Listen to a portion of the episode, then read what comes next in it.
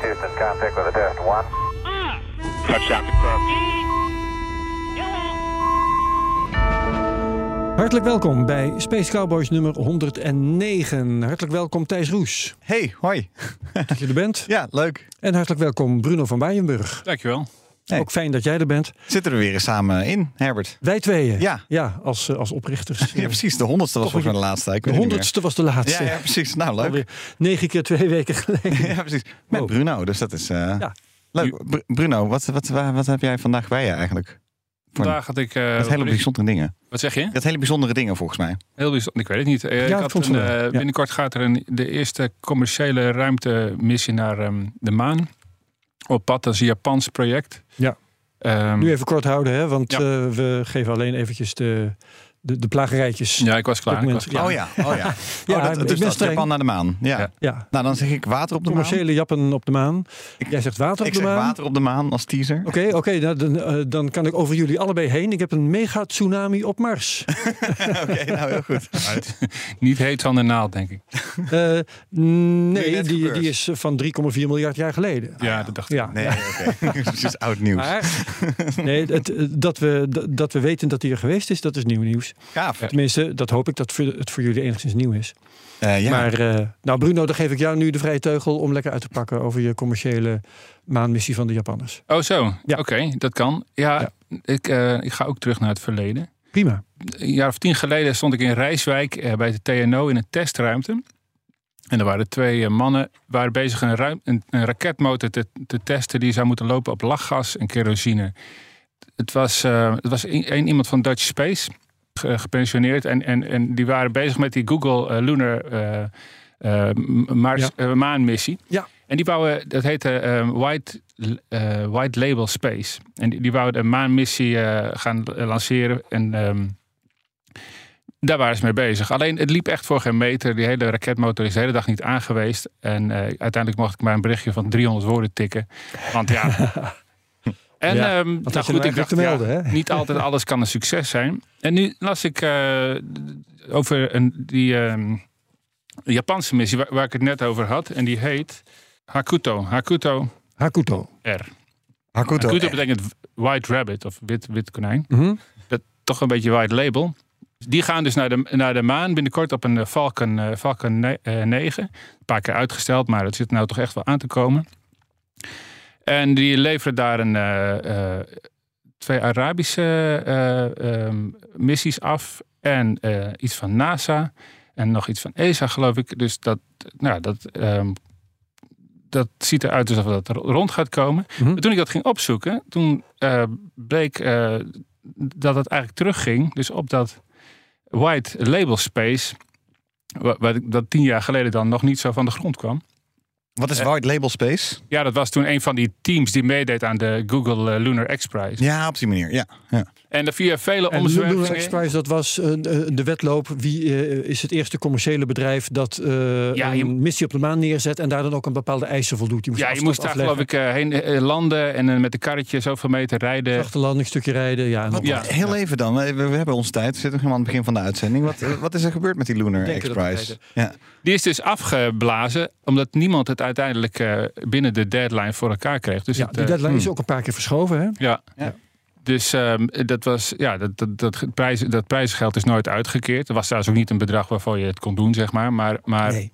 Het is nooit uitgekeerd überhaupt. het Nee, is, het is eh, nooit nee. uitgekeerd, want er was geen team. Nee, Maar, het er heeft is dus wel iets, het heeft wel iets teweeg gebracht. Het heeft wel dus dingen aan, eh, eh, in, in gang gezet. Want uiteindelijk is dat, ehm, dat, die, dat project waar, waar ik het toen was, aan het kijken was, is dus. eh dat was toen Japans-Nederlands. De Nederlandse poot is eigenlijk helemaal uitge, uitgewerkt. En eh, het heeft vers- allerlei stadia en financiers doorgemaakt. Het zou een keer op een Indiaanse raket gelanceerd worden. Het zou op een Amerikaanse Atlas gelanceerd worden. Eh, en, het, en, en ook het ontwerp is dan steeds ja, opnieuw eh, ingezet. Maar uiteindelijk heeft dat dus geleid tot iets wat nu ja, op hoop van zegen gelanceerd gaat worden. Ja, dat vind ik toch, Ja. toch wel heel, heel leuk. Ja. Datum bekend? Ja. Nou, het zou 1 december, dat is dan weer uitgesteld. Maar dan heb je het wel over, hè, volgens eh, Michel van Baals, eh, lanceren klassificatie. Dan zit het er toch wel een beetje aan te komen. Als je het over concrete data in een maand is, hebt. Ja, ja. Dan eh, moet het haast wel goed komen. Ja. En is, het is in principe dus een commerciële, eh, commerciële missie. ja, ja, ja. Commerciële missie naar de maan van Japan of van een Japans bedrijf. ja. Wat op zich eh, relatief dus zeldzaam is. eh, commerciële missies naar de maan. Ja, ik volgens mij vraag me dan meteen zijn er ook- eigenlijk ja. niet. ook af in welke zin is het commercieel. Hè? Ze gaan. eh, Nou, dat het niet van een, van een eh, nationaal ruimtevaartagentschap Ja, is. Hmm. maar goed, als een bedrijf het doet, dan ga ik me meteen afvragen: oké, maar wat verdienen ze dan aan? Weet je daar iets van? Nee. Nee, want Nee. ja, nee ze- ze- je, je kunt misschien dus doen ze het om mee. hun kunnen te tonen. Ja, ja, ja dat, eh, om, om, om misschien wetenschappelijke experimenten daar neer te zetten en zich door universiteiten te laten betalen of iets dergelijks. Eh, ja, nou ja, goed. eh, de- naast de Lunar. Flashlight, dat is, dat is dus een, een onderdeel daarvan. Die wordt daar geland en, en, en, neergezet. Dus Ja. die betalen dan om mee te mogen. Juist, ja. Ja, maar het is ja. dus dat zij hebben het, eh, de missie bedacht. En daar kun je dan instappen. In plaats van dat vroeger dan een ruimtevaartagentschap bedacht. eh, we willen deze missie, kunt u dat voor ons leveren? en dat, is het eh, een interessante ontwikkeling Ja. op zichzelf. Kijk, dit is een kleine preview op wat, eh, wat ik straks ga vertellen over water op de maan. Ja. Er, er is namelijk eh, een heel programma van de NASA, Commercial Lunar Payload Services. Ik weet niet of je daarvan hebt gehoord. Oh. Of we daarover Nee. hebben, gehoor- eh, hebben gesproken hier in Space Cowboys. Dus er, er is eigenlijk een heel setje missies die naar de maan toe gaan binnenkort. Om te kijken of het dus commercieel exploiteerbaar is. Maar wel betaald door de NASA. Ja, ja, Dus eigenlijk is het nog steeds een. Ja, het is commercieel, maar het is wel betaald nog. En het zijn dus eigenlijk voornamelijk experimenten die die kant op gaan. En ik vond het wel leuk, want ik zat te kijken naar. eh, want ja, we hebben nog niet eens gepreviewd, maar Artemis gaan we het natuurlijk ook over hebben. Ik weet, misschien noemen we die wel in de, in de titel. Dan, eh, en Ja. dan eh, weten mensen, nou, dan, komen we, dan is dat hier nu besloten. Ehm, en ehm, ik zat een beetje te denken, wat komt er dan dus nu na? Hè? Na de Artemis-missie, die groot succes is. Ehm, Nou, de Artemis 1, hè? we hebben het nu over Artemis 1. Precies, daar komen, dus, die daar komen dus, daar komen dus eh, commerciële eh, eh, zaken aan. Daar ga ik dan dadelijk even over hebben. Weet jij al die naam van dat bedrijf? En, en ESA zat er ook in. Ik heb niet precies de lijst van wie er allemaal mee deden. Maar eh, de was Verenigde niet- Arabische Emiraten hadden ook een payload. Hm. Ehm, Ah, kijk. Ja. Eh, want het was nu bijvoorbeeld het bedrijf Astrobotic is een van de bedrijven die dus ook naar de maan gaat met een commerciële payload. Intuitive Machines, daarvan gehoord. En ehm, even kijken, Maston Space en Firefly Aerospace. Die gaan allemaal nog met een commerciële missie richting maan. En ehm, nou, dat, dan kunnen we deze gewoon allemaal bij elkaar voegen. En Denk ik. sommige daarvan zullen ook wel afstammen van de Lunar X Prize, stel ik me voor. Dat zou ik me ervoor voorstellen. Die heb ik niet zo 1, 2, 3. nee, ik kan me herinneren dat de Master Ja. Space ook al heel lang in de race is voor allerlei eh, dit Ja. soort projecten. Ja.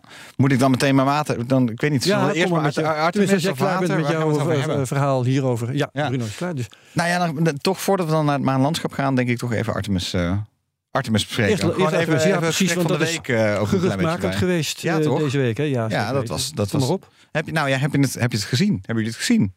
Nou ja, ik Heb heb in ieder zitten geval de, fo- de foto heb ik gezien. De foto, heb je het filmpje? Ik ben niet aan de buis gekluisterd geweest zoals ik naar het WK Ja, voetbal, heb zitten gekeken. Ja, precies.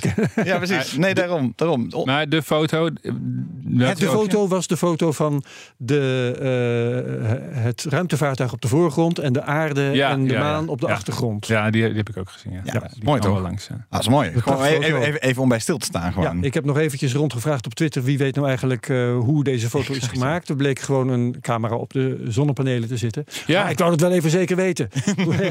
of daar een selfie stick werd gebruikt of wat voor kunstgreep. Al was het maar om ook te voorkomen dat daar complottheorieën over zouden ontstaan. Want Want hoe is die foto nou eh, weer wie houdt genomen? die camera eigenlijk Ja, vast? de zonnepanelen van, van eh, eh, uit Leiden.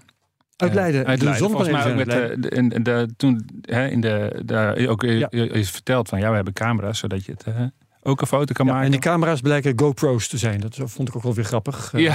Er zitten gewoon van die commerciële Ja, waarom niet? luciferdoosjes op. Ja, nou, eh, Elon Musk toen hij ooit zijn, eh, zijn roadster naar de ruimte stuurde op die Falcon Heavy, toen zei hij: ehm, "You know it's real because it looks so fake." En dat had ik nu ook weer heel erg. Zo van het wat zag er inderdaad gewoon als een simpel GoPro-shot uit met de aarde eigenlijk iets te fel en, eh, en dat allemaal. Oh, zo ja. Maar eh, dat maakte het juist zo gaaf. Het zijn gewoon van die toch HD-snapshots van verder dan ik in ieder geval lange tijd gezien heb. Het, het- het- ze hebben een claim, eh, hè, er is een, een claim to fame van deze. Het Guinness World Record dingetje is dus het verst dat een menswaardig ruimteschip ooit Ja, dat zijn van die ruimtevaartrecords. Ja, van die ruimtevaartrecords. Veel gaver vond ik dus eigenlijk het... het, De het- het- eerste Italiaanse vrouwelijke eh, astronaut Bij volle maan. met vlieg... Ja, precies. precies. Ehm, maar wat ik dus wel heel gaaf vond, is was het was voor mij toch wel degelijk de eerste keer dat ik een Earthrise eh, live kon meemaken in HD vanuit mijn luie stoel. En ik weet niet precies, eh Ah, heren. maar dan ook het live bewegend. Ja, ja, want je zei Oh, inderdaad de foto. En ik, ja, ik zeg, nou ja, heb je het gezien in het filmpje? Ja. Want er zijn dus meerdere ma- malen ehm, was er een Earthrise eh de afgelopen Ja, weken. ja. Eh, want het was een hele bijzondere baan. Hè? Daar hebben we het nog een paar, een paar keer over gehad. Over Elliptisch. hoe elliptisch die is. En eh, elke keer werd het contact verloren met, eh, Mhm. met eh, Orion. En ehm, eh, dan elke keer kwam die weer opnieuw op. En dan schakelden ze live in. In ieder geval, ik heb er meerdere gezien. Volgens mij heb ik er wel drie, eh, drie langsgekomen, eh, minstens. Ehm, en dat was heel gaaf. Want het was gewoon heel Ja, tof om te zien. voor gave dingen. Ja, Je, zie- je zag gewoon eh, ja, je zag het, het maanlandschap. Gewoon net als, die, als dat filmpje wat ook over van, van Apollo ooit uit is gekomen. Alleen dan nu gewoon van een robot. Ja. En eh, ja, live. Wat ook gewoon toch weer iets toevoegt op een, een bepaalde manier. En mag ik vragen, hoe oud waren jullie bij de maanlanding? Maanlanding, 69? eh, was, Was ik min 2. Jij was min 2 ik was 11, en jij was 11. Ja. Ehm, 58 geboren. ja, dan heb jij... Het was rondom mijn verjaardag. Misschien was ik nog net 10. Wat was de datum ook weer? Weet iemand dat? Ja, 20 kom op. juli Het was in ju- 1999. hoeveel? ja, toch? Ja. Ja, ja, ja. Ja, Hoeveel 20 juli? 20 juli. Ja. Dan was ik net twee dagen 11. Eh, nou, Ja. dan heb je dat wel meegemaakt, toch? Ik heb dat, ja, nee, ik, ik ben op die avond ben ik naar buiten gelopen en eh, heb ik de maan aan de hemel zien staan. Ja, ja, ja, Waar precies. toen net Neil Armstrong zijn teen in het stof had gestoken. Nou ja. Ja. En voor ons komt er dus nu de komende jaren een, een soort, hetzelfde soort generationeel moment aan. Want er gaan mensen terug naar de maan. Of je nou wil of niet, Herbert. ik, ik wil dat wel. Ja, en ik geloof ook dat het gaat gebeuren. Ja, toch wel, hè? Mars Ja. is een ander verhaal, maar dat heb je vaak Nee, genoeg. precies, Ja. precies. En eh, dat gaat gebeuren. En dit zijn toch de eerste, dit is de eerste aanzet. En wat ik zo grappig vind aan dat hele Artemis-ding... is dat we natuurlijk... We hebben het jarenlang over SLS gehad. Eigenlijk jongetjes die het over machines hebben. Maar eigenlijk nu... dus Zodra die eindelijk gelanceerd werd... ging het eigenlijk alleen maar over die missie. En over die foto's. En over toch het feit dat we weer teruggaan naar de maan. Viel Ja. mij op. Nou ja, het viel mij vooral op hoe hysterisch de Amerikanen waren. Weet je wel, alsof het allemaal nog nooit eerder was gedaan. Nou ja, maar dat, dat, ik moet heel erg terugdenken aan, gewoon aan, de, aan de ontdekkingsreizen. En nog even, en ze gaan, ze gaan weer eh, juichen als er een, eh, als er een eh, tweemotorig propellervliegtuig opstijgt. Oké, dat zegt wel iets zo lang niet gebeurd. Ja. Ja. Maar de ontdekkingsreizen hebben ook eh, eh, hon- zijn honderden jaren overheen gegaan. Ja. Voordat dat eigenlijk goed en wel op, op gang kwam. Ja. En dat is altijd wel gezegd van ja, ooit moet weer de vo- eerstvolgende keer zijn dat we weer terug gaan. Dat, dat is dan nu. Ja, er staat nog niks op de eh, eh, maanoppervlak. Nog Nee. niet. Sterker Maar nog, dat is eh, dan misschien een langzaam een klein bruggetje naar waar ik het over, over Ja, het maar ehm, om, om Ja. dit toch weer eventjes op zijn, perspectief te plaatsen. te zetten. Ja. Er was dus geen persoon aan boord. Mhm. Ze zijn niet geland. Maar ze Dus- waren heel ver, Herbert. waren en ze hadden ver, zulke ze mooie plaatjes van de GoPro's. Ja, maar voor een... Ik kreeg een warm gevoel van binnen. Ja, dat is heel fijn voor je. En Dank ik je. vind het ook fijn voor de Amerikanen dat ze dat bij jou hebben teweeggebracht. Precies. Maar nee, en ik, ben, ik heb toch ook de respectabele leeftijd van 40 al bereikt. Maar, En ja, dan denk ik, dit zijn allemaal firsts voor mij. Er, er is een, Ja. natuurlijk een soort. maar ik, piek ik- geweest op ik, een ik gegeven wil moment, wij niet benadrukken wat een super gekunstelde first het was. Want er zijn dus onbemande ruimtevaartuigen. Veel en veel. Potverdorie, ze, zitten, ze, ze hebben ze eind jaren 70 hebben ze ze weggestuurd. En die zijn nu dus in de interstellaire ruimte. Maar hadden die live GoPro's op, Hadden- erop? Dus da- Hadden daarom die- zeg ik van hadden, die hadden Guinness. ze stoelen aan boord waarin mensen hadden Nee, ja, zitten? nee, Ja, precies. maar dat is het hele ding van dat Guinness record. vind het da- zo dat zeg ik. Van dat, dat, dat interesseert me dus niet. Maar het feit dat we dus, dus nu zo live kunnen meegenieten. Ja. Oh, In veel betere kwaliteit dan toen. Dat vind ik dus Dat- dat wel is een veel grotere weerwaarde dan, dan Ja. natuurlijk inderdaad wat NASA ervan maakt. Maar wel ten Ik, eh, koste van de bandbreedte op het Deep Space Network. Dat las Daar ik ook ik het nog even over hebben. Ja, wat wil je daar? ja. Ja, wat, wat Nou ja, was heel nou? gewoon. Ja. Ehm, ja. Er is een, eh, Bruno slaat de spijker op zijn kop en ik had het er klaarstaan. Eh de NASA eh, faciliteert communicatie tussen ruimtevaartuigen en de aarde met een Deep Space Network van 14 schotels op aarde. Eh, en nou ja, alles wat in de ruimte is en eh, data naar de aarde wil sturen, moet daar langs. Nou, als het maar wel ver weg is, denk ik. Als het ver genoeg weg is. Ja, Ja, want het, dus eh, niet in een low Earth orbit. nee. Juist. En ik, ik zit even te kijken van welke, welke doen het op dit moment. Hè? Je kan het nou, in ieder geval Artemis en, en James Webb. Eh, ja, nou, en, en Voyager wordt meegekletst op het moment, zie je dus. Inderdaad, Oh, wauw. Artemis 1, Ja. die zit eh, vanuit Australië. En Voyager zal niet echt bijdragen aan de congestie. Nee. Want dat zijn dat is- luttele kilobytes per seconde. Ja, precies. Denk, of kilobits. Maar Maven bijvoorbeeld, ook Maven die op dit moment rond eh, Mars eh, gaat. Toch? Nee, Jupiter. Jupiter, de, ehm, moet ik het wel goed zeggen? Nee. Slecht. Nou, zoek dat maar even op. Maar Ja, in ieder geval, dat- het was dus nu voor het eerst en eh, heel behoorlijk dringen. Zo Mars, erg. ja, sorry, sorry hoor. Nee, Ja. want ik kon het even niet hebben dat ik het verkeerd zei. Eh, Mars, eh, gewoon dus de, de- inderdaad een, eh, gaat rond Mars om de atmosfeer te meten. En het was eh, doordat eh, Artemis 1 daar nou hing. eh, en eigenlijk zowat alle bandbreedte opsoepeerde. Ze nodig, ze nodig videobeelden naar Thijs moest doorsturen. Dat, Oké dan. omdat Thijs daar zo nodig naar moest Dat ik- kijken, kunnen we beter dat ik mijn YouTubes nodig had. Ja. Ja. Eh, was dat netwerk gewoon verstopt en moesten de mensen die van James Webb ehm, gebruik wilden maken, moesten, die moesten zodanig wachten.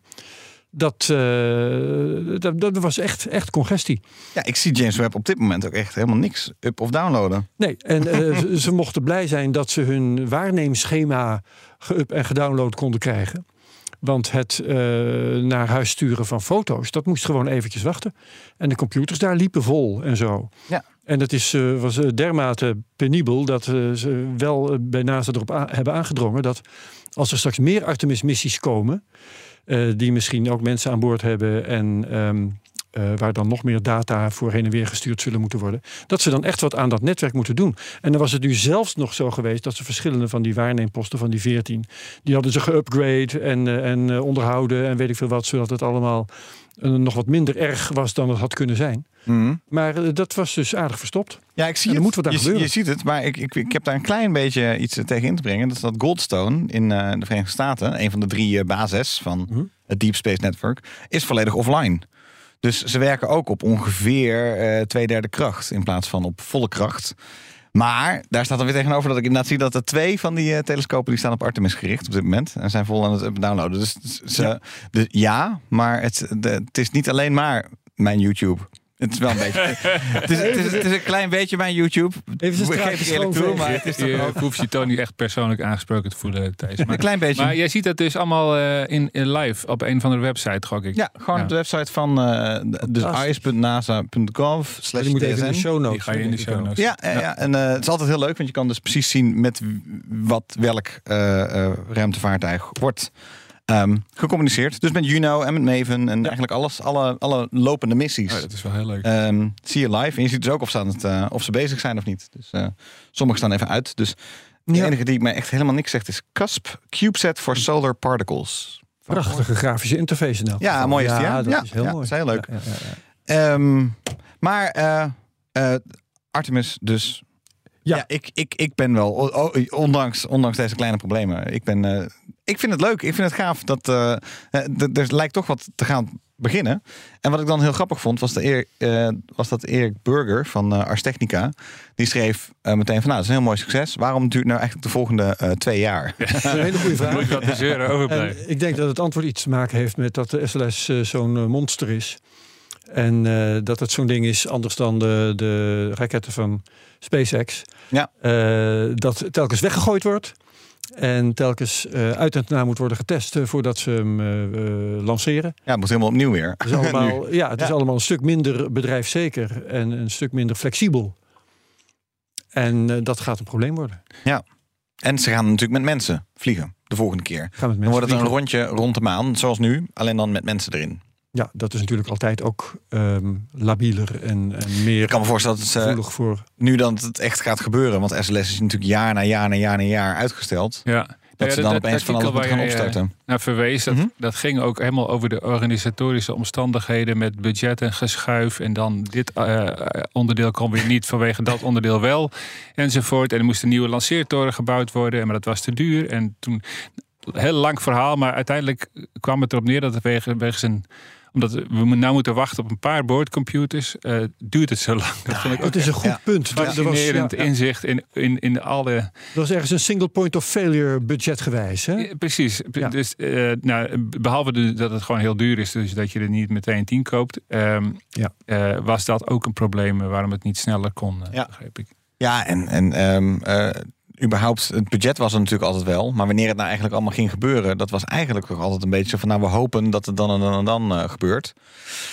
Dus eh, het feit, ik denk dat deze missie ook gewoon wat dingen in gang eh, zet. Ook het is een succes voor die, voor die Amerikanen. Ik vind het grappig ja, dat, je dat, dat je er dat van een maakt. Ja. publicitair succes. Hè? Ja, publicitair Eh, dat succes. is ja, zeker. ook. Absoluut. Ja. Ehm, dus dat stellen we vast.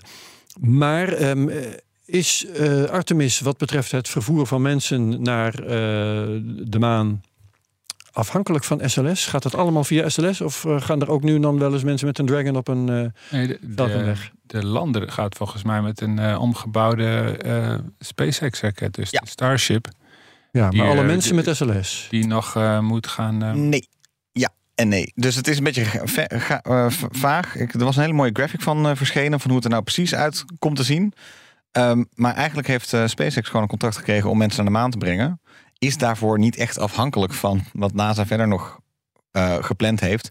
Maar waarschijnlijk politiek gezien. En, en ja, als het er toch is. Dan komt er een soort gateway om de maan te hangen, toch? Dan komt er Ja, een ruimtestation ja, maan. ruimtestation. Ja, ruimtestation. En het zou goed kunnen zijn dat die dan helemaal op ehm, eh, dat, dat mensen die daarheen gaan in een soort ruimtestation met SLS gaan, maar dat de hele missie naar de maan toe dan gewoon SpaceX is. Dus dat eigenlijk een heel klein gedeelte wordt overgenomen door die SLS. Misschien de gateway zelf, misschien de eerste mensen die daar dan heen gaan om erin te, te zitten.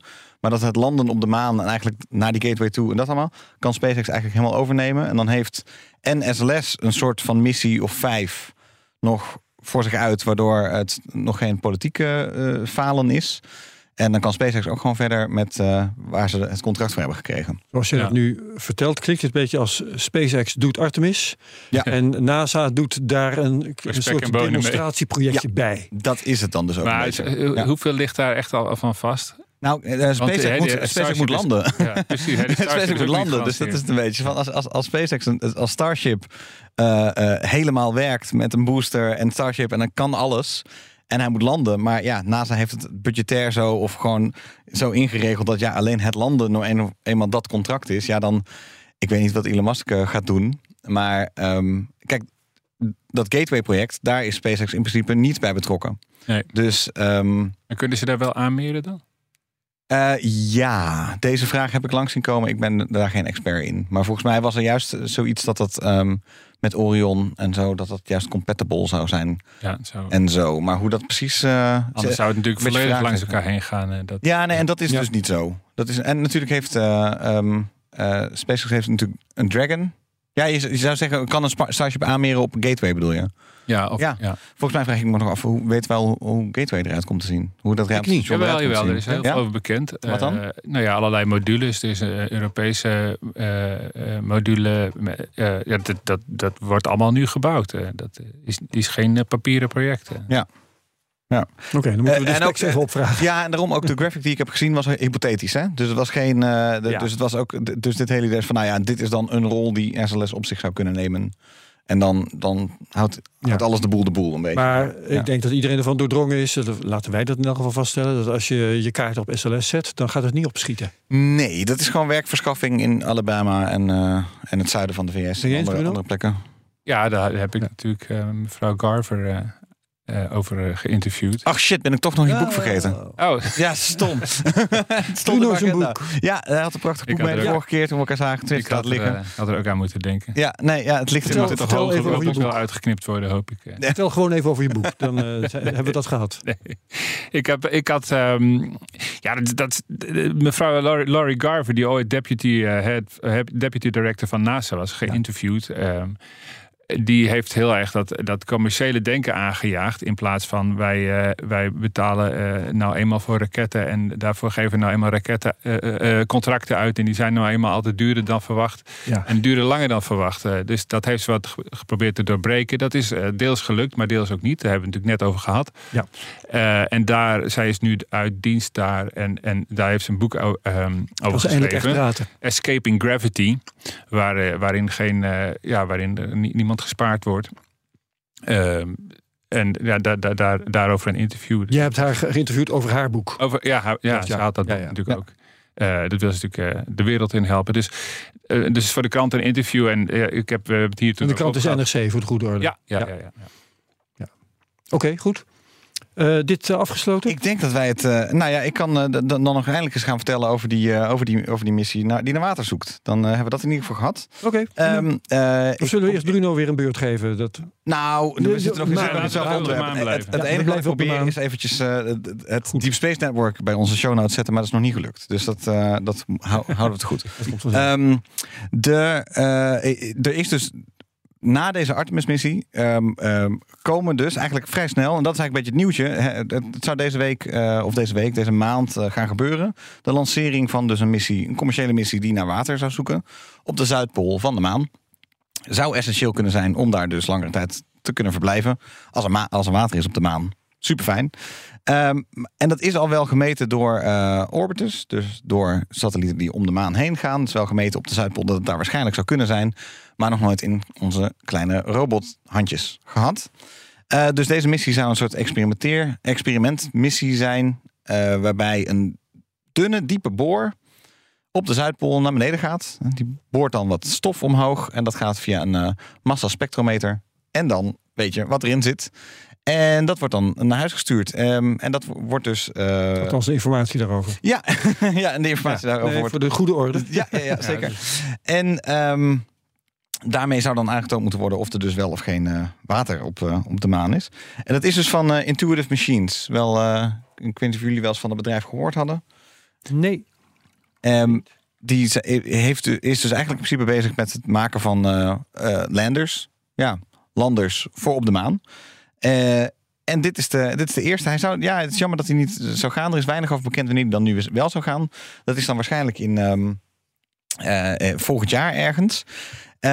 En essentieel, denk ik, voor de toekomst wel. Ik denk niet dat, je, dat we moeten gaan verwachten dat het industrialisatie van de, van de maan snel van de grond komt. Want eerst moeten al die missies daarheen. Dan heb je nog dat er daadwerkelijk mensen terug naar het oppervlak moeten. Maar dan vervolgens is, ligt wel aan de lijn der verwachting dat er een soort kleine basis op de maan komt. Waar eh, van alles aanwezig moet zijn.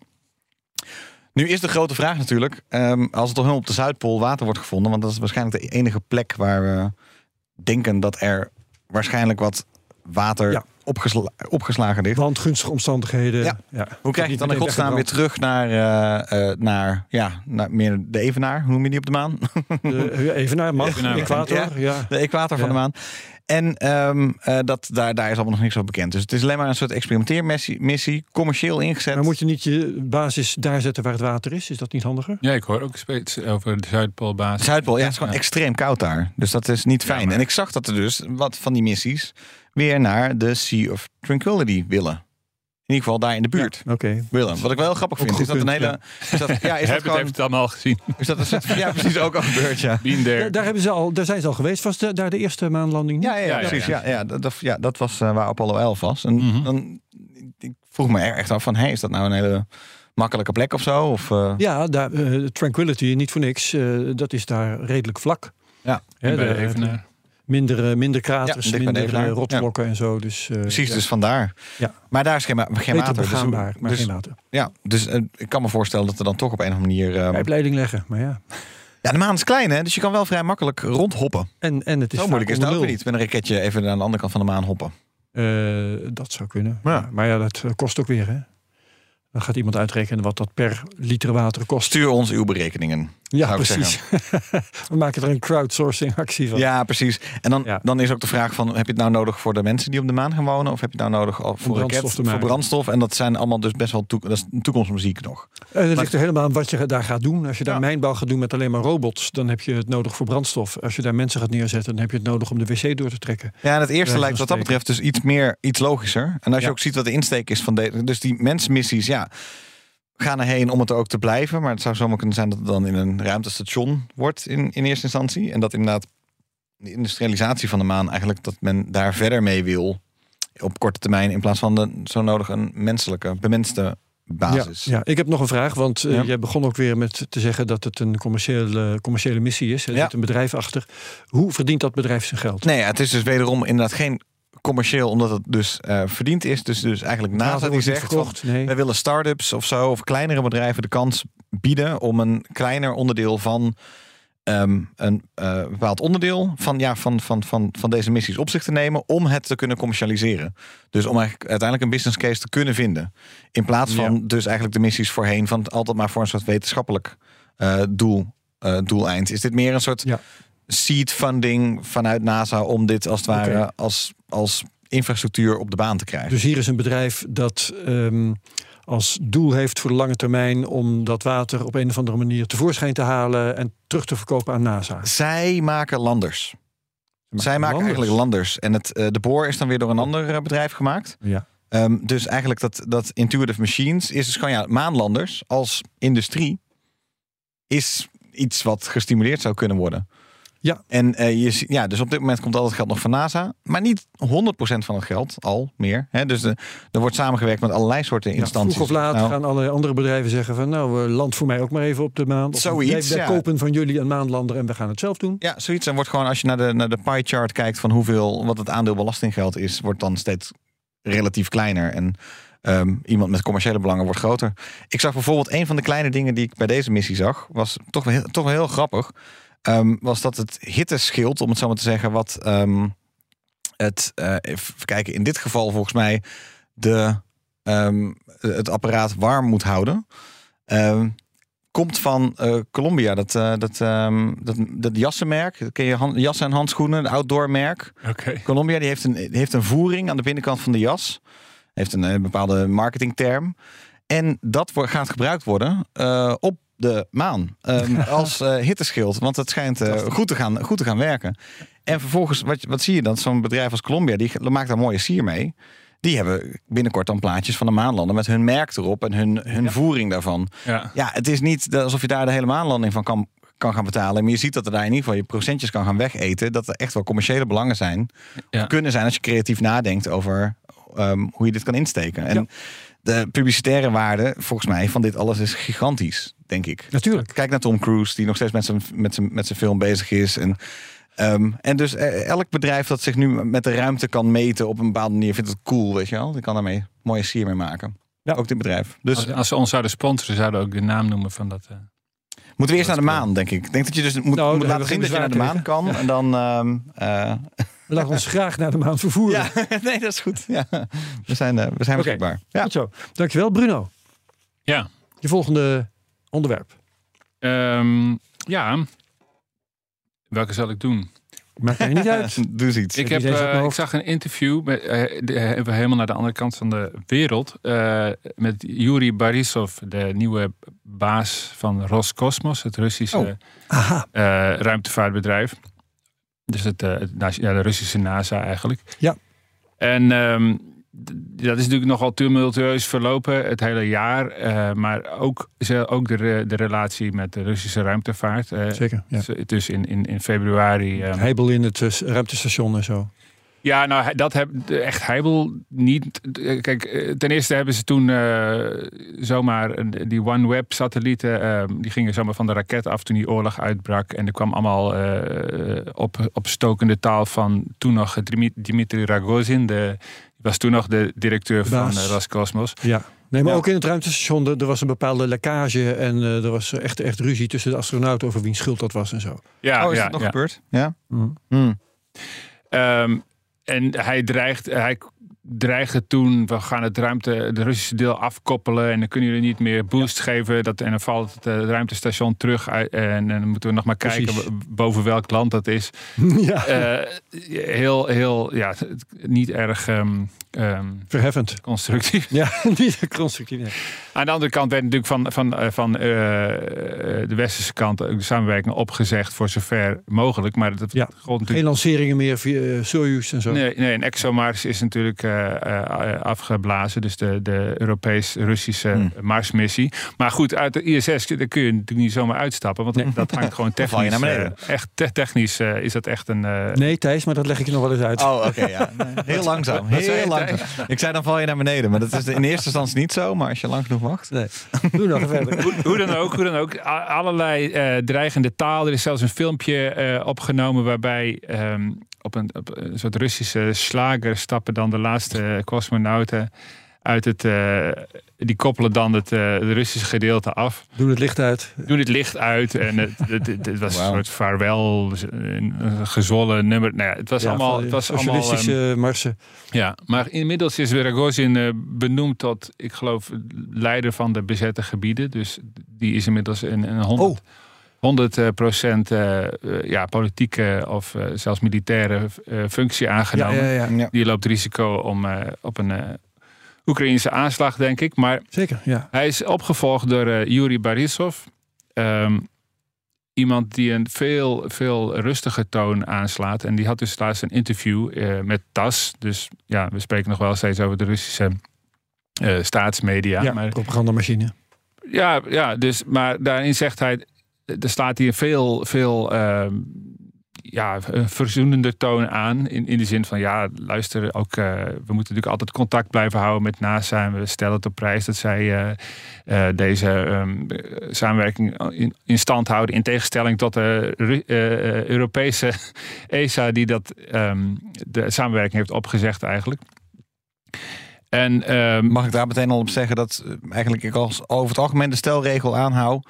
dat alles wat er uit Rusland komt, moet je direct het precies het tegenovergestelde is dan over het algemeen wat er aan de hand is. Dus ik weet niet precies. eh, dat, met- ik wil even deze kritische noot plaatsen. Ja, dus ja, als er iets uit Rusland komt, is het over het algemeen kan je het beter begrijpen als het tegenovergestelde. Dus verzoenende toon betekent dan in mijn boekje meestal: oké, dus binnenkort stappen ze er echt uit. Dat is de. ja. ja, Oké, Bruno, we hoe weet zien. Dat Nee, dat? is in ieder geval gezegd. Maar ja. Oké, dan, Ja. dan, eh, anders doen we een weddenschapje. Nou, daar kom ik daar ook nog even op terug. Niet want er is- eerste er is- het is niet de eerste weddenschap die gaat verliezen. Dus eh, ja. Oké, Nee, Bruno. goed, maar toen was het ook van we gaan naar eind 2024, als, dan stappen we eruit. De, eh, en, en dat was ook dit. eh, eh, en toen heeft, hij nog een aantal studies van kunnen we er niet meteen uitstappen Hm? besteld. Dus nu hebben we het weer over Ragozin, dus in het begin van de, eh, de inval. En, en, en toen bleek dat dat natuurlijk eh propagandatechnisch eh, heel leuk was, maar het, totaal onmogelijk. Eh, en toen was het weer eind 24. Maar Borisov die, die schuift daarvan ook terug. Er is namelijk een Russisch ruimtestation, eigen ruimtestation, eh, ROS heet dat, in de maak. Eh, of in ontwerp. En nu zou het dan afhangen wanneer ze over kunnen stappen op hun eigen ruimtestation. Nou, dat gaat natuurlijk nog, nog lang, lang niet gebeuren. A, omdat een ruimtestation ontwikkelen, dat doe je niet in een jaartje of twee Nee. of drie of vier of vijf. En B, omdat de eh, Russische ruimtevaart eh, het natuurlijk al, al heel lang ni- niet best deed. En, en, en nu met alle ehm, economische teruggang en de sancties het waarschijnlijk niet, niet beter gaat doen. Het heeft waarschijnlijk geen toegang tot eh, chips. Eh, had ik Nee, daar wordt, dat- daar dat- wordt dan in Geld. Ja, nou, het ligt op zijn gat, omdat het op dit moment cruciale chips niet, eh, niet, niet beschikbaar zouden zijn. Dus ze hadden al een, er was een bepaald project wat al enorme vertraging had opgelopen, want ze konden eigenlijk niks meer. Ja, er zitten er zitten natuurlijk sancties op. al ja, die precies, er zitten sancties op vandaar. Ja. En ehm, dus ja, is, daar zegt hij dan, het, is allemaal erg in abstracte termen. eh, hè, dus ze hebben, ze hebben heus wel een eigen bedrijf wat ook eigen stuurelektronica kan maken. Maar ehm, hij, hij schetst daarin ehm, ja, ehm, een, be- een beeld van wij kunnen pas over eh, als we een eigen ruimtestation hebben. Nou ja, dan denk ik, ja, dan zit zit je dus nog voorlopig Dan zit je daar nog wel even. Wel aan vast. ja, en, en met en, en waardering voor NASA die, het, eh, die ons wel aan boord houdt en dergelijke. Dus het is allemaal erg eh, eh, sussend. Ja. En, en ehm, ja, dat vond ik toch wel ehm Ja, even dat het is melden interessant. waard. Ja. Ehm, ik kan me ook voorstellen, maar eh, zeg jij daar eens wat van, eh, als ze daadwerkelijk uit het ruimtestation stappen, ehm, dan kan er geld vrijkomen waarmee ze hun eigen ruimtestation kunnen bespoedigen. Of zie ik dat verkeerd? Ja, dat lijkt me eerlijk gezegd. eh, Kijk, we hebben Michel van Baal, onze Rusland liefhebber, niet, Die niet moeten we bij ons. bijhalen. Maar het lijkt mij, je moet iets gaan ontwikkelen. Dat, is, dat kost gewoon Ja. heel veel geld. En wat ze nu gelanceerd hebben in, in, in, eh, in dienst houden, dat is natuurlijk veel, eh, ja, veel makkelijker en, en, minder duur. Ja. Dus dat lijkt me. ehm, het lijkt, me, het lijkt mij sterk dat, dat, dat, überhaupt, dat het überhaupt van gaat komen, dat Russische ruimtestation. Ja, dat lijkt mij ook sterk hoor, gezien inderdaad eh, hun eh, positie in de wereld op dit moment. ja, eh, ja. Ja. Ja. Rogozin trouwens, even gedubbelcheckt, die, eh, die, die zwaait nu zogenaamd de scepter in, eh, in de Krim. Dus die is van het federale district van de Krim is niet hoofd geworden. Juist. Niet het minste, eervolle inderdaad, of niet het minste ehm, de positie eh, binnen wat nou ja, hij, Nee, ja. zeker. op dit moment allemaal aan de hand is. Nee, hij heeft zich natuurlijk van zijn oorlogszuchtige kant laten zien. zeggen. Eh, ja, dus precies. Dat werd hij naar voren geschoven. Ja. En hij was altijd al een, een eh, Poetin-beschermeling. dus Altijd al een redelijk gestoord. Ja, dus hij is gek. beloond. ehm, maar misschien is het ook wel boontje kant om zijn loontje vroeg of laat. Ja. Zitten er nog Mooi. wat cadeautjes onder in de zak? Ja, ik heb nog wel wat. Eh, ben jij klaar met je uh, Rogozin? ehm, ja, daar ben ik ook klaar mee. Oké, dan heb ik nog het volgende. Moet even, mijn laptop is in slaap gevallen. Ik wil het nog over de Nationale Defensieagenda hebben, dus eh, stay tuned. Ja, Zeker. Sluit ook wel weer aan. Ehm, ik heb er nog twee, dus dan doe ik Ja. ga gauw even eentje ehm, erin gooien. Eh, er is een nieuwe telecommunicatiesatelliet gelanceerd waarover sterrenkundige moord en brand schreeuwen. Oh, Ehm, die is namelijk, het gaat om de Blue Walker 3. Die is, ehm eens eventjes kijken, het is de grootste commerciële communicatiesatelliet ooit. 65 vierkante meter eh, oppervlak. Ehm, en die 65 is, vierkante meter? Wat zeg je? 65? 65 vierkante meter. Dat is groter dan dat mijn huis. Iets als 10 Ja. bij 6, 10 Maar bij het- 6,5. het, is, het is geen vlakke plaat. Er Gewoon. zijn, zijn mensen die hebben een kleinere achtertuin. Nee, het is geen vlakke Ja, plaat. maar zeker. er is- zeker. Herbert, Dus Herbert kijkt. Ja, er zijn absoluut mensen die een kleinere achtertuin hebben dan 65 vierkante meter. Welcome Ja. to the real world. Maar in ieder geval een flinke joekel. Wat zeg je? Het is een flinke, Flinke. Precies, en als hij nou boven... Thijs, sorry, Ja, nee, sorry. ik ben heel blij met mijn 12 vierkante meter tuin. Dat is gewoon, eh, ja, ja, heel blij. Eh, goed, dan verzwijg je dus ook dat je compleet bos erop nahoudt. Maar oh dat, ja, eh, ja, dat is waar. Ja, ja. sorry. ehm, dat is dan weer ergens anders, dat weet ik dan ook weer. Probleem is dat als het ding boven hangt en over onze hoofden komt en eh, de zon schijnt erop en zo, dan is hij net zo helder als de helderste sterren. Magnitude 1. Ja, Oh, En dat is niet niks. Hè, dat is, eh, dat is eh, onder de 20 helderste sterren. maar even als de zon erop valt. Als de zon erop valt. Ja, als de zon erop valt. Precies, Ja, onder bepaalde ja. dus in de omstandigheden. Maar schemering. dat is, Een toch wel satelliet die vaker... eh, laag overkomt, die zal vaak net zo in de schaduw van de aarde verkeren als de mensen s'nachts uh, ook hebben. maar je ziet wel vaker een hele felle... toch? ja, dat, nou, dit- Ja. want dit is niet het eerste keer dat dit ter sprake komt natuurlijk. Nee, zeker niet. Maar dit is dus wel een van de helderste satellieten ooit, net in een tijdperk dat ehm, er maatregelen worden genomen om aan dat probleem een halt toe te roepen. En zijn het dan, Hè? is dan de grootte van de zonnepanelen die het probleem is? Of het Nee, hele, de grootte van de satelliet zelf, hele ding zelf. het geheel, Blijkbaar. heeft, heeft eh, dat oppervlak. Of dat de bolling als een soort lens eh, werkt of zo. En hij is niet voorzien, wat eh, bij Starlink tegenwoordig wel gebeurt, van een lekkere doffe donkere verf. ja. eh, wat het probleem verergert. En eh, nou ja, astronomen klagen daarover. Ehm, en eens even kijken. Er, eh, Ja, ja, en, en het is ook een eh, satelliet bedoeld om met je mobieltje rechtstreeks contact Daarom. te maken. Dus dat gaat ook, eh, en die moet dan ook natuurlijk terugzenden. Dus dan krijg je ook veel Oh. radiostraling. dat, dus hij is, hij is optisch helder. Ja. En hij is ook qua radio-emissie is hij helder. En daar doe je weinig aan, net wat jij zegt, omdat de bedoeling is dat hij een rol speelt bij het eh, communicatieverkeer met eh, mobieltjes zomaar, zonder, hè, zonder Dus Geen satelliettelefoons met hun eigen schotel. Nee, zomaar mobieltjes die je in je hand kunt houden. Dat betekent dat, eh, dat je daar weinig aan verandert. Ehm, en zowel in optisch als in het radiobereik wordt dat dus een probleem voor, voor astronomen. En het is een demonstratiesatelliet. Dat betekent dat als men vindt dat dit werkt, dan komen er nog veel meer van dit soort dingen het te moet een hangen. constellatie worden. Ja, dat in de, in de orde van tientallen, als ik me niet vergis. Dan moet ik eventjes kijken of ik dat adres, eh, dat eh, aantal ergens tegenkom. 168 moet het er worden. Nou ja, maar dus Eh, net alleen al van het bedrijf. dan moet ik even weer terug. EST Space EST Mobile. Space Mobile. En dat is dan maar een van de vier bedrijven die zich hiermee bezighouden. Want er is ook een bedrijf Link, L-Y-N-C. En ook eh, Apple en SpaceX en T-Mobile zijn met dit soort zaken bezig. Dus er komen een hele hoop van dat magnitude 1, van die magnitude 1 sterren erbij binnen afzienbare tijd, als dit allemaal gaat zoals het lijkt te gaan.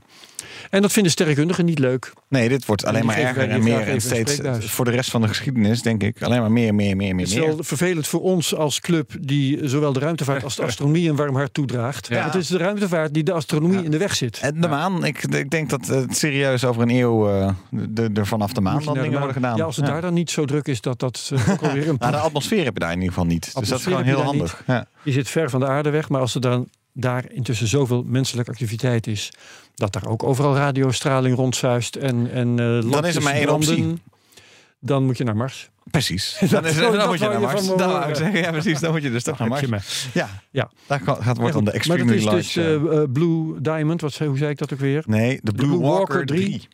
Blue Ja. Diamond moet je mij horen. Ja. vanuit een ander tijdperk. De Blue Walker 3. Het is wel interessant, want het zijn dus inderdaad veel bedrijven die ongeveer met hetzelfde bezig zijn. Terwijl dus eh, SpaceX en T-Mobile dus een paar maanden geleden hadden aangekondigd met bestaande technieken eh, via Starlink dit ook al te kunnen. Dus dan zie je eigenlijk dat, eh, ja, er komt ook nog concurrentie. Dus het is niet eenmaal, maar twee, eh, misschien wel driemaal, net als met de telefoonbedrijven. En Starlink is allemaal goed en wel. Hè? Dat Mhm. is per satelliet een stuk minder overlast. Maar wel vreselijk veel meer satellieten. Blijkbaar, ja. Want eh, er gaan ook alweer eh, 7000 extra Starlink-satellieten omhoog. Ja, dat Dat zijn was een ander nieuwtje dat ik eigenlijk had weggemoffeld. Maar ehm, Starlink heeft op dit moment het probleem dat het gebruik toeneemt. Dat is eh, een luxe probleem. Maar dat betekent wel eh, dat de bandbreedte die Starlink op dit moment heeft, dat die gedeeld moet worden door veel meer gebruikers. Ja. Dus er is minder bandbreedte beschikbaar per gebruiker. Dat scheelt intussen al 50% met wat het geweest is. Of met wat het zou moeten zijn. En er zijn een paar grootverbruikers, toch? Als ik me niet vergis. Ze Ja, hebben last nou, van een paar enorme denk, denk aan, en, eh, eh, aan het Oek- Oekraïnse leger. bijvoorbeeld. Ja, bijvoorbeeld. Dat is een groot verbruiker. En eh, daar kwamen dan nu voor de eerste keer caps op, zag ik ook nog iets. Ik weet niet of het in de afgelopen twee weken is gebeurd, maar zeer recent was het wel van de fair use policy werd aangepast. Want er waren gewoon een paar mensen die het de hele netwerk beheersten. Ja, maar tegelijkertijd is dus aan de aanbodkant is het plan nu intussen goedgekeurd dat er 7000 satellieten bij komen. Oh ja. En het waren er al 20.000 of zo. Dus dat. ehm, ik, ik kijk dit na. Wel nodig, Maar in want, ieder eh, geval dat soort eh, dingen spelen er. want eh, oma Musk zelf die had eh, afgelopen zaterdag een, eh, een live vanuit zijn vliegtuig. Was toch wel grappig om even, afgezien van de inhoud van het interview, was Ja. het eh, eh, geestig om even. te- hij deed dus helemaal op Starlink vanuit, vanuit zittend in een vliegtuigstoel terwijl die opsteeg en dan door de lucht.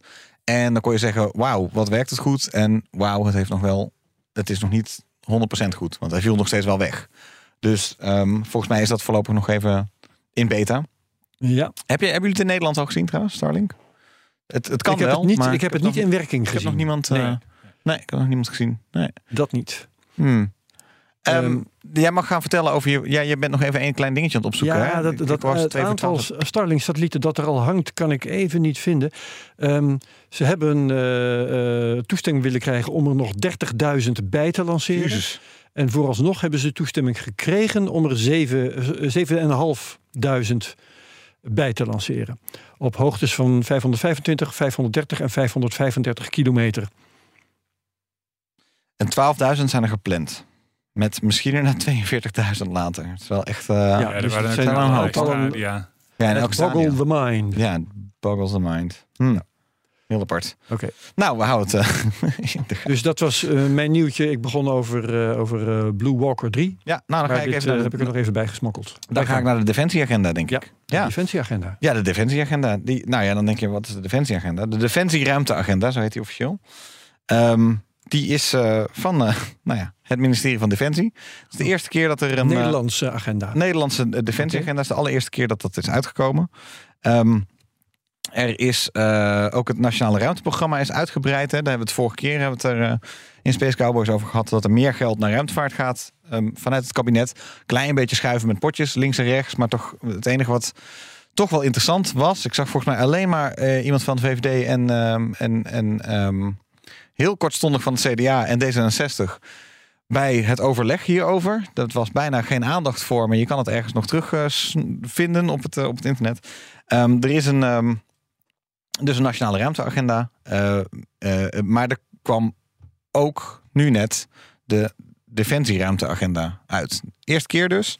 Defensie had nog niet eerder ehm, eigenlijk een soort plannen gemaakt voor de toekomst over wat moeten wij nou eigenlijk met de ruimte. Dan denk ik wel, ja, toch, Ja, toch apart dat dat moet, heeft moeten wachten op dus de Space Force van de Verenigde Staten. Want ik kan, Nee, Ja. dat is niet waar. Het- vertel. Is al, ik geloof twee jaar geleden al een defensie-satellietje gelanceerd. Er Ja. wordt gewoon langzaam wel eh, naar gekeken. Het staat, maar ik denk dat die eh, zo'n ruimtedefensie-agenda daar juist een, een, een voortvloeisel uit is. En dat is een voortvloeisel eruit. En op die manier, dus een agenda voor de toekomst, is dus de eerste keer. Dus het is niet, dus dat er eigenlijk stelselmatig door Defensie nu vooruit wordt gekeken, gepland Ja, wordt en, een, en een, een, een, een nationaal programma komt. Dat is de eerste keer. En ik kan eventjes er doorheen wat er eh, zo al in staat. Ehm, dus bijvoorbeeld dat er een Defensie Space Security Center tussen aanhalingstekens moet komen, maar dat is er al. dat loopt al, wordt uitgebreid naar ongeveer 50 mensen. Oh, dat is best veel. Ja, een eh, oud collega, kortzondig collega van Space Cowboys, die, die is daar nu ook. En eh, daarom niet meer bij onze podcast. Timman. Ja. En ehm, vanuit daar moet eigenlijk alles eh, eh, gecoördineerd en geregeld worden. Ehm, ik pak dat er even bij. Want wat ik vind wel interessant wat, wat Defensie er zelf over zegt. Die zeggen het gebruik van de ruimte is onmisbaar geworden voor het goed functioneren van onze krijgsmacht. Want die weten ook wel van inmiddels alles praat met elkaar via Ja, de ruimte. kijk maar naar Oekraïne. Ja. Duidelijk. En dan komt er, ja, en dan komt er vervolgens wel de, eigenlijk de, de discussievraag omhoog. Zij zeggen: in tijden van conflict en crisis is de behoefte aan ruimtecapaciteiten groter dan wat er beschikbaar is. Nederland krijgt geen toegang tot noodzakelijke middelen als we ook niet zelf een relevante bijdrage leveren. Dus wat zegt eh, Defensie? We moeten eh, toewerken naar het opbouwen van een eigen sta- satellietcapaciteit. Ehm, en ja, daar kan je het volgens mij over hebben. Eh, ik, ik denk eigenlijk dat dat ergens wel een goed idee is. Omdat je dus, als je een eigen netwerk hebt, dan kan je snel schakelen. Je kan ehm, eigenlijk bepaalde experimenten veel makkelijker uitvoeren dan wanneer je eerst via allerlei partners moet. Als je dat gewoon bij. En het kost tegenwoordig natuurlijk relatief weinig. Wat bedoel je met experimenten? Ja, ze kunnen van alles doen. Kijk, als je een, eh, een eigen communicatienetwerk hebt, in plaats van dat je al afhankelijk bent van anderen.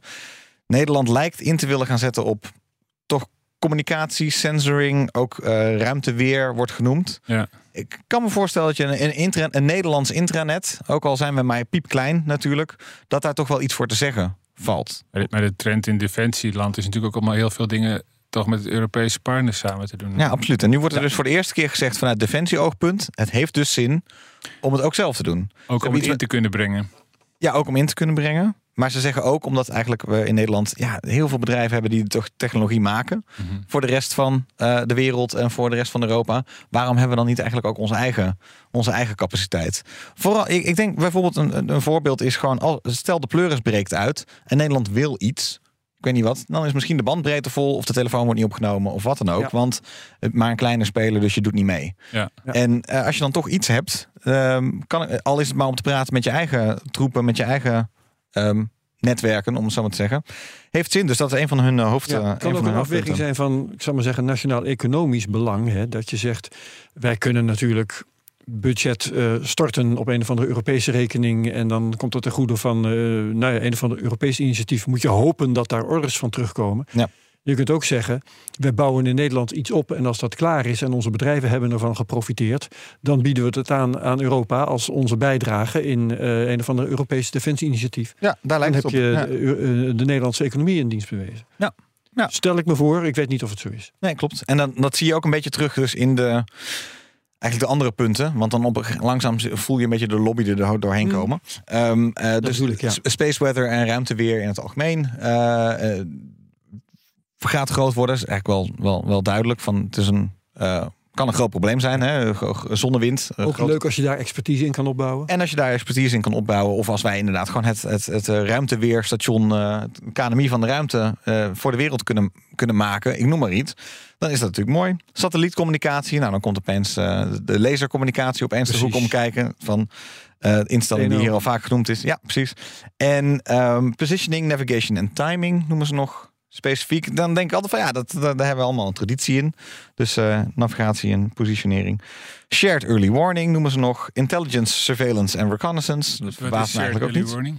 Voor de kernbommen. Of, eh, Ik pak hem er even bij wat ze daar inderdaad specifiek mee bedoelen. Nou, het riekt naar luchtafweer. In, ja, ook. ja, Ja. ja, Ja, dat zou je wat? denken. Ja, ballistische raketten. Ja, ja, ja. en hypersonenwapens. Ja, dus inderdaad. Dat en dan natuurlijk ook gewoon het intensiveren van onderzoek en ontwikkeling. Dus dat is de eerste Ja. ehm, eh, ruimte. Defensie eh, ruimteagenda. Ja, en dat is een agenda, maar ehm, hangen daar ook eh, budgetkaartjes aan? Ja, hier hangen wel budgetkaartjes aan, maar zij hebben het veel meer over eigenlijk hun. ehm, eh, Want je kunt wel zeggen, wij vinden dit belangrijk en wij streven naar dit en dat. Maar als er niet gewoon geld in wordt gestoken, ehm, ja, zij, ja, en volgens mij wat zij zeggen is, zij, zij stellen dat voor. Maar ik, zie niet, ik heb nog niet van de minister direct een brief gezien om dit dan te doen. Wel dus voor die andere ruimteagenda. Daar is het geld al voor vrijgemaakt. En Hoe bedoel je, welke andere... ja, er is dus daar heb ik het vorig jaar uitgebreid over gehad. Moet ik Oh. even, even bijpakken. Eh, de minister heeft dus wel daadwerkelijk naar de Kamer een brief gestuurd over hoe ze dit allemaal gingen doen. Daarin werd ook deze defensie-agenda aangekondigd.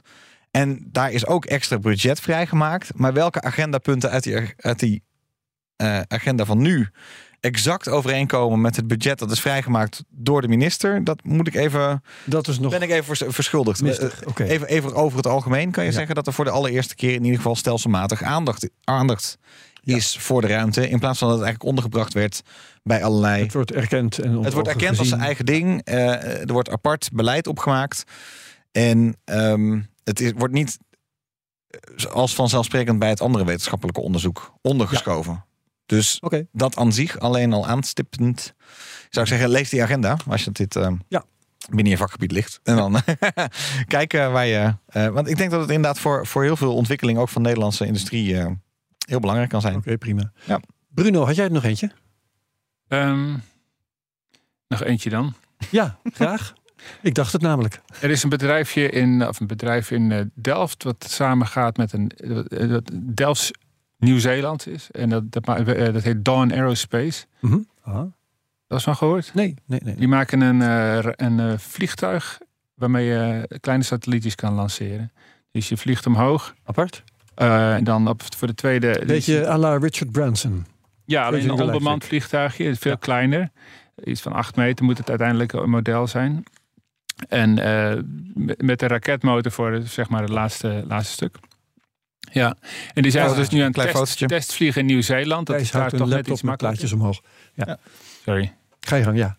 En die, eh, nou, die zijn er al eh, een poosje mee bezig. Het draait op ehm, lachgas en propeen. Een nieuwe combinatie. Komt vooruit de DARE, het project in Delft. Het is de, een soort studenten... eh, Ja, Project. eh, Oh. ja, ja, ja. En ja, die willen dat gaan ontwikkelen als, eh, ja, als lanceer, kleine lanceerder. En dan hebben ze vandaag eh, kregen ze 20 miljoen Nieuw-Zeelandse dollar eh, van, een, eh, ja, van een investeerder. ja. Om, eh, om hun volgende eh, model te gaan bouwen. Ja, dat wil ik even melden. Toch, eh, Maar van- vanuit Delft dus, maar het is geen Nederlands bedrijf. het, is, het is Nederlands-Nieuw-Zeelands. En, en er zat geloof ik nu ook een eh, Amerikaanse poot in. Maar het, eh, het, eh, oorspronkelijk was het ja, Nederlands en Nieuw-Zeeland. De Nieuw-Zeelandse dollar, wat doet die? Geen idee. En het idee inderdaad, eh, Richard Branson-achtig. Dus inderdaad, hij, hij lanceert om eigenlijk kleine hardware, dus in een soort CubeSats-achtig denk ik dan.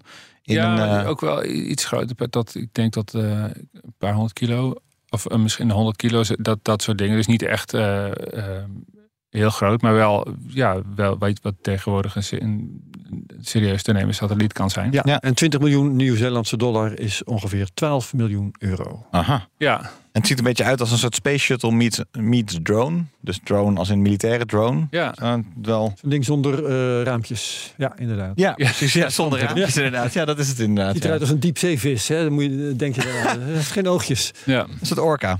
Ja, nou ja. Of diepzee. Oh, diepzee Diepzee, zonder oogje. oogjes. ogen. Ja, ik Ja. snap het. Ja. Geblindeerd.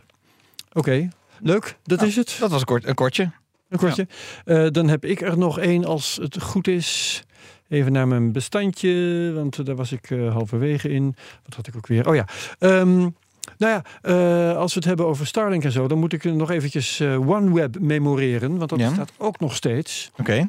Ehm, is begonnen als Was failliet, toch? bedrijf, ja, precies. Ze gingen failliet. Ze waren van plan om eh, telefonie eh, te leveren eh, en internet niet te vergeten aan, aan consumenten. En als zodanig gingen ze failliet. Toen zijn ze opgekocht en van eigenaar verwisseld en weet ik wat niet allemaal. En wat ik wel leuk en ironisch vind, dat is dat ze. ehm, eigenlijk zou het gisteren zijn gebeurd, maar zoals het gaat met lanceringen, die worden uitgesteld. Dat hebben we vandaag al eerder vastgesteld. Nu wordt het ehm, op zijn vroegst morgen. En vandaag is 7 december, dus 8 december eh, eh, is het nu. Wat ze, eh, OneWeb laat 40 satellieten lanceren. Daar, dus daar gaan er weer 40, hè? Zoveel duizend. Eh, ze hebben ook nog, eh, is maar een klein eh, aandeel. Maar door wie laten ze die lanceren? Die laten ze lanceren door SpaceX. En dat vind ik, vind ik wel weer grappig en ironisch. Dat de concurrent. Dat Elon Musk nu helpt zijn concurrent voor Starlink ehm, zijn satellieten te lanceren. Oké, waarom zou je dat doen? Omdat hij Nou, geld verdient daarmee, denk ik. Omdat hij daar geld mee verdient in de eerste plaats. Maar in de tweede plaats omdat het niet echt een concurrent is. Want Starlink ehm, heeft in ieder geval ook consumenten als doelgroep. En OneWeb is inmiddels gepivot, zoals dat heet onder startups, naar een andere doelgroep. Namelijk, eh, zoals het heet, wholesale connectivity. Dus Mhm. die richten zich op allerlei bedrijven. Dus op eh, eh, nee, bedrijven, ehm, eh, overheden, telefoonoperators enzovoorts. Ah ja. En dat is de bedoeling dat ze daar hun, hun bandbreedte aanleveren met die de 40 en al die andere satellieten die ze willen gaan lanceren. Ik hoop straks nog even het aantal tegen te komen waar ze naar streven. Ehm, maar in ieder geval, ze leveren dus bandbreedte vanuit satellieten aan Groot, bedrijven en overheden. De groothandel. De groothandel, Ja, ja. precies. Ja, Ja, dat klopt. Zakelijke. Dat is de bedoeling. Maar ik, ik vond het grappig om te merken dat zij dus zich laten lanceren door SpaceX. Ja. En ja, zoveel alternatieven zijn er niet op dit moment. De SpaceX is verdomd bedrijfszeker en vooral hebben vooral ook capaciteit. En ze En- zijn met veel spektakel natuurlijk van die Soyuz gehaald eh, in, in, eh, in Rusland. OneWeb is eh, van de Soyuz gehaald. ja. Oh, dat weet jij dan weer. Dat Ja, die, eh, die, die staat daar nou nog in een kast, eh, hopelijk veilig in eh Baikonur. Eh, Dat is gewoon afgeschreven, denk ik. Ja, ja, ja. Oh, om reden van Oekraïne. Ja, ja. Ja. Het eerst gingen ze Ja. alle, alle vlaggen van die raket halen. Eh, en, en, daarna is de hele raket eh, eh, van het lanceerplatform gehaald. Ik zie het staan. Dat was een constructie, heb ik begrepen. Ze hadden eigenlijk Ariane Spas ingehuurd. Maar Ariane Spas heeft op zijn beurt de Soyuz weer ingehuurd. Ja, Kan dat ja, kloppen? Of, ja, ja, er zijn verschillende bedrijven die dat dan via de Russen deden. Maar Ja. dat, dat kan, ja. 32 tot 36 satellieten per keer. Een x-aantal eh, lanceringen. Eh, en intussen hebben ze dus ehm, eh, drie keer SpaceX ingehuurd. En twee keer een Indiaas bedrijf. Nou ja, Of, of de Indiaanse overheid, ik weet niet wat het daar is. ehm, om de resterende satellieten te verhuren. Te, sorry, te lanceren voor de komende tijd. Dus dat is OneWeb. Het bestaat nog steeds. Het is actief. En eh, ze worden gelanceerd. Onder andere door SpaceX. Ik heb nog heel even het budget erbij gepakt voor het ruimtevaartprogramma. Vertel. En ehm, eh, het- is inderdaad nog een klein beetje een mengelmoesje. Maar eventjes grofweg eh, komt in de komende twee jaar eh 500 miljoen beschikbaar voor ruimtevaart. Ehm, binnen, eh, wat, ja, dus een half miljard. Over, over, het staat 2023, 24, 25, over drie jaar. Nederlands Mwah. geld. Nederlands geld. Eh, waarvan eh 375 miljoen al naar eh, ESA-programma's gaat. Dus dan hou je eigenlijk Ja. 125, 125 miljoen over voor eigenlijk gewoon het stimuleren van je eigen nationale industrie. Dus gedeeld door drie, nou ja, nou, wat hou je dan nog ongeveer over? Hè? Dus ongeveer heel 40, veel. 40 miljoen per jaar eh, hou je dan over. En dan denk ik dat dus die hele defensieagenda, hè, dat, dat zit daar als het ware in verweven. Het is niet alsof dat heel duidelijk... Ze hebben gewoon eigenlijk geformuleerd wat zij nodig hebben. Ehm, en eh, dit is het geld dat beschikbaar komt. Dus dat is niet heel groot, niet heel veel, maar het is meer dan wat het vroeger was. Dus Oh zo. Ja. Mooi. Dat nou, heet is dat vooruitgang. weer op, ja, dat heet vooruitgang. Dat is in ieder geval ook weer Goed zo. Ehm, Bruno, nog iets? Nee, Je bent er doorheen. Thijs? Eh, misschien even eh, wijzen op onze... wij zitten ook nog gewoon nog steeds op Twitter.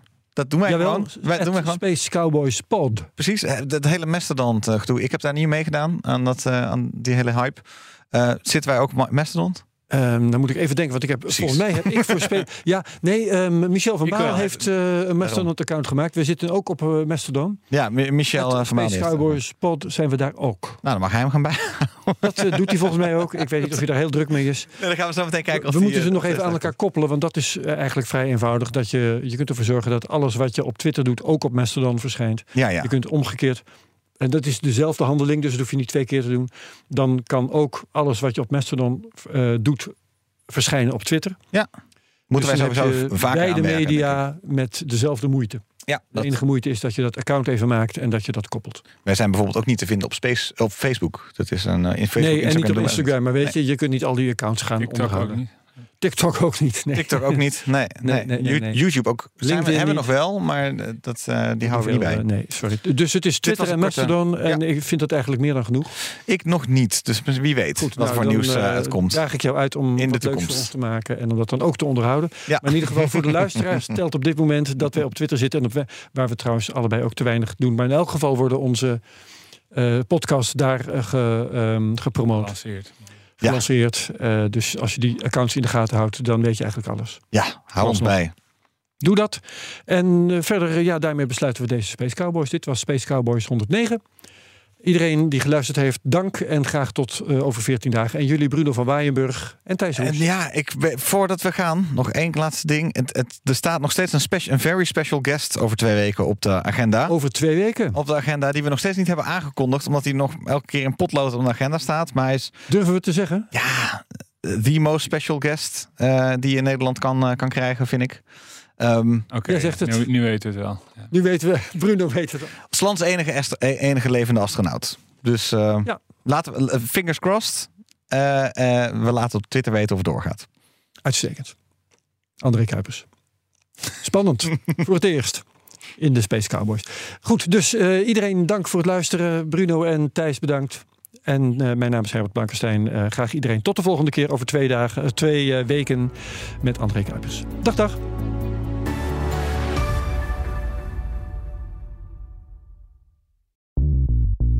Bij BNR ben je altijd als eerste op de hoogte van het laatste nieuws. Luister dagelijks live via internet. Jelle Maasbach. Wesley Weert. We zijn er voor je met het leukste, opvallendste, maar natuurlijk ook het belangrijkste nieuws. tijdens de presentatie van die halfjaarcijfers toen die beurskoers in elkaar kukkelde. BNR Beurs. Voor de slimme belegger. Blijf scherp en mis niets.